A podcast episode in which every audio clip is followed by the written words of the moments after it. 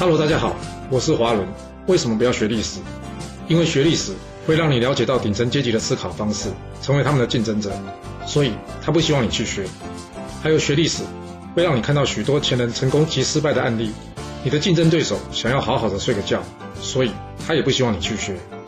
最重要的是，学历史会让你了解人性，你的老板以及同事都希望你保持天真的心，所以他们更不希望你去学。就是因为这些原因，接下来我要跟你说的是故事，而不是历史。今天的主题是啊，找工作。我们刚刚在春秋第一百节故事中讲到，孔子呢，他当起了史上第一版的流浪教师啊，但却同时呢，成为史上斜杠最成功的人啊。若是您大学主修的是文法商学系的，相信你对孔子遭遇啊，会感觉颇深啊，或者说有什么即视感啊。在过去来说啊，这就叫做怀才不遇啊；而现在来说呢，这叫做选择错误啊。你看呢，连孔子这样博学的人呐，但是因为他所处的时代是春秋末期，而在这春秋末期呢，各个国家除了治理好内政之外呢，对外的交涉以及战争啊，已经变成非常重要的课题。那你说，有好口才以及擅长军事的人，对于国家整体的发展来说，是不是就变得非常重要了？那由于孔子对于军事并不是这么了解啊。所以呢，他想要在这时代发挥啊，就会出现一定的困难。好比现在大学文组的毕业学生啊，难道大家智慧不如读理工组的吗？又或是说，选择读文组的人就是会混四年，没有好好努力？应该都不是吧？但是为什么出来找工作的时候，薪水落差这么明显呢？其实这问题不就跟孔子状况一样吗？因为时代背景的不同啊，导致所学不见得有所用，不是吗？那如何解决这个问题呢？打掉重练。重新读一次理工组，嗯，关于这个话题，我记得我在五至一至四十八，老板不对就得考虑换人这个主题中我说过啊，那我这里就不再重复说一次了。记住一点，凡事有利就有弊啊。就拿我之前讲过的春秋五霸中秦穆公的故事来给大家做个参考吧。秦穆公当初找到蹇叔以及百里奚啊，他问他们俩，若是他想要称霸，他该怎么做？套到现在的状况来说，就是我想要赚大钱，我该怎么办？秦穆公之所以会有此一问啊，那是因为啊，在他眼中，秦国地处偏远啊，又跟这中原诸侯混得不熟，加上人口以及物资缺乏，想要成为霸主，实在是难度颇高啊。那套到我们现在状况来说呢，就是什么？他的学科冷门，市场需求低，而且家务很惨，想要赚大钱，的确有难度啊。那简叔跟百里奚会给他什么样的建议呢？他们告诉秦穆公说啊，没错，这秦国地处偏远，跟中原诸侯也不熟。换句话说，就是没有什么人会来邀请秦国出兵啊，也没有什么人会来主动攻打秦国，不是吗？套到现在状况来说呢，就是你可以少一些应酬，而除了工作之外呢，你可以腾出的时间也可能比较多一点，不是吗？注意到没有？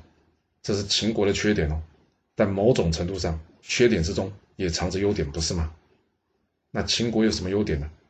就是秦国的地理位置啊，正好处在易守难攻的位置啊。另外，附近有许多小的部族，秦国虽然人口不够，物资不足，但是可以透过逐步兼并这些部族啊，就可以解决人口以及物资不足的问题啊。那回过头来看看现在啊，理工组的人呢，工作薪水比较优渥，这是时代背景所造成的。若是你已经无法进入这个领域，或者说你实在不适合这个领域，那有没有别的出路呢？盘点一下自己可以利用资源，这个资源呢，包括时间还有人。另外，或许可以调整一下。你对找工作这三个字的看法，就以我自己为例吧。找工作是为了什么？是为了在最低成本下，也就是什么，不用自己投入资金下，找到一个有主动收入的来源。一旦有了主动收入啊，接下来就是要计划如何将这主动收入转成被动收入。而被动收入一旦够了，你对于主动收入的工作选择性就会多了一些。补充说明一下，这里说的被动收入，并不是说你的钱一定要拿去投资哦，因为储蓄的利息啊。也是一种可以产生被动收入的方式啊。重点是哪一种被动收入产生的方式比较低风险以及有效率？就拿刚刚秦穆公来说吧，你把你自己当做秦穆公，那你是想要冒险一次灭了比较大的部族，还是一步一步的先将小的部族处理掉，等到时机来再兼并其他比较大的部族？没有想法吗？好，那我们用现在的状况打个比方来说吧。现在大部分国家以及银行都在升息。这一升息呢，股市的资金就会减少，相对的，大部分的股票呢将会出现跌的机会多，涨的机会少。那你会在这个时候就投入资金，还是等到升息动作稍微停缓之后再决定投入股市呢？另外，这美国升息的速度快，若是您所在的地方升息不够快，那利差会不会进一步变成汇差？存美金呢？比方说只存一个月或是三个月的定存美金呢，会不会比存本国货币还具有优势呢？还有就是啊，通常评估股票的报酬率啊，是用十年期美国公债利率再加上一个风险贴水，这是什么意思啊？就比方说呢，这只是比方啊。现在美国十年期公债的利率是四趴，加上这个风险贴水，我们抓个低一点，也就是四趴。换句话说，若是您投资的股票殖利率啊低于八趴，这投资呢可能就不一定划算。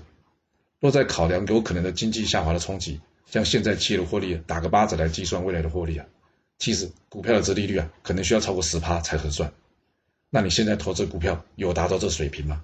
还是你投资它只是因为一种感觉，或是啊听别人说的？